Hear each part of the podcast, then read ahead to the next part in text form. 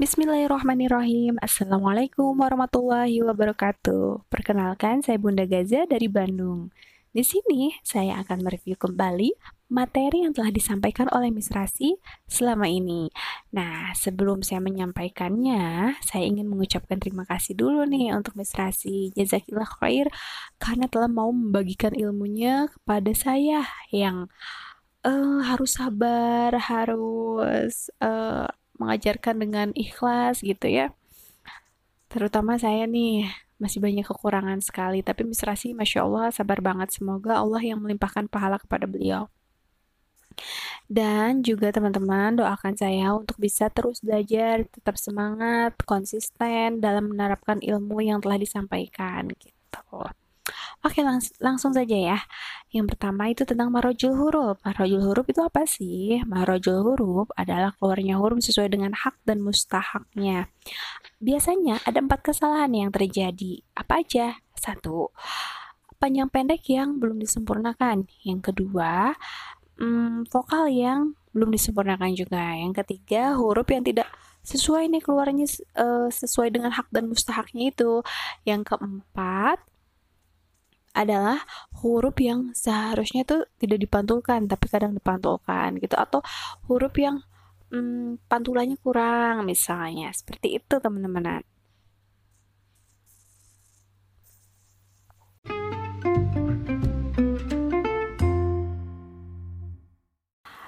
Okay, next saya akan membahas tentang sifatul huruf. Sifatul huruf ini ada lima nih kelompoknya. Yang pertama itu berdasarkan tertahan tidaknya nafas. Itu ada dua, ada jahar, dicatat ya teman-teman ya, jahar dan juga hamas. Nah, yang kedua itu berdasarkan tertahan atau tidaknya aliran suara itu ada tiga, ada syiddah, ada rokwah, ada tawasud.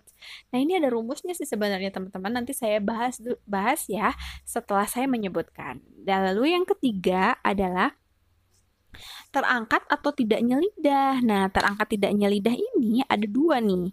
Pertama istilah, yang kedua istifal. Selanjutnya lengket atau tidaknya lidah, yaitu ada dua juga, itbak dan invitah. Yang terakhir, berdasarkan sulit atau mudahnya. Nah, yang sulit disebut dengan uh, ismat dan yang mudah itu disebut izlak. Biasanya nih uh, ada rumusnya juga kalau yang izlak ini kayak faman libur gitu ya. Nah, selanjutnya saya akan memberikan rumus yang tadi disebutkan tadi itu agar mempermudah dalam memahami atau mengingat nih ini termasuknya ke mana gitu ya. Yang pertama itu uh, ada hamas. Hamas itu mengalir nafas. Nah, ini ada pertama rumusnya adalah fahasahu syakhsun sakata. Nah, diulang lagi ya. Fahasahu syakhsun sakata. Jadi, di luar huruf itu termasuk ke dalam huruf jahar yang artinya jelas, tidak ada nafas yang keluar. Selanjutnya yang kedua, huruf eh, yang tadi berdasarkan mengalir atau tertahannya suara. Yang pertama syiddah yang kuat nih, yang kuat itu rumusnya adalah baju di toko Atika. Baju di toko Atika. Nah, selanjutnya yang tawasud itu ada Umar Linu. Umar Linu. Selain dari huruf baju di toko Atika dan Umar Linu, berarti itu masuk ke dalam apa coba? Iya, betul. Ke dalam rokoah. Nah, selanjutnya dari segi terangkat atau terhamparnya terangkat dan tidaknya lidah, itu ada isti'ala dan inf Istifal, istilah dan istifal. Istilah itu ada rumusnya gampang banget nih. Yang suka makanan pasti ingat banget ya. Soto, dodo, gohok. Nah, soto, dodo, gohok. Nah, itulah rumusnya.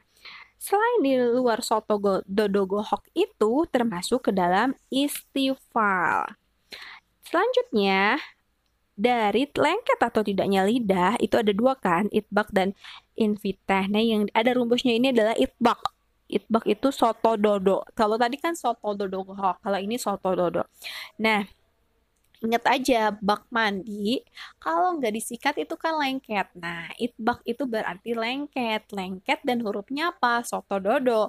Di luar itu berarti tidak lengket. Hurufnya termasuk invita. Terakhir nih yang dari segi mudah atau susahnya itu ada ismat dan izlak. Nah, yang izlak ini yang mudah itu ada rumusnya yaitu faman libur. Nah, faman pengen liburan gitu ya. Faman libur di luar itu termasuk dengan ismat gitu teman-teman mudah kan mudah banget ya karena udah ada rumus-rumusnya yang diberikan oleh Miss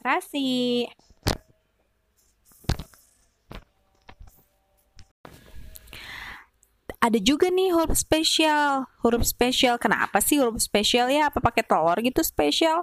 Bukan, bukan gitu teman-teman. Spesial karena huruf ini penuh dengan ketajaman suara. Huruf apa ya? Huruf sofir. Nah, huruf sofir ini huruf-huruf yang uh, suaranya itu menyerupai binatang. Apa aja sih? Ada tiga nih. Ada so, ada za, ada sa so, za, sa. Nah, itu termasuk ke dalam huruf sofir.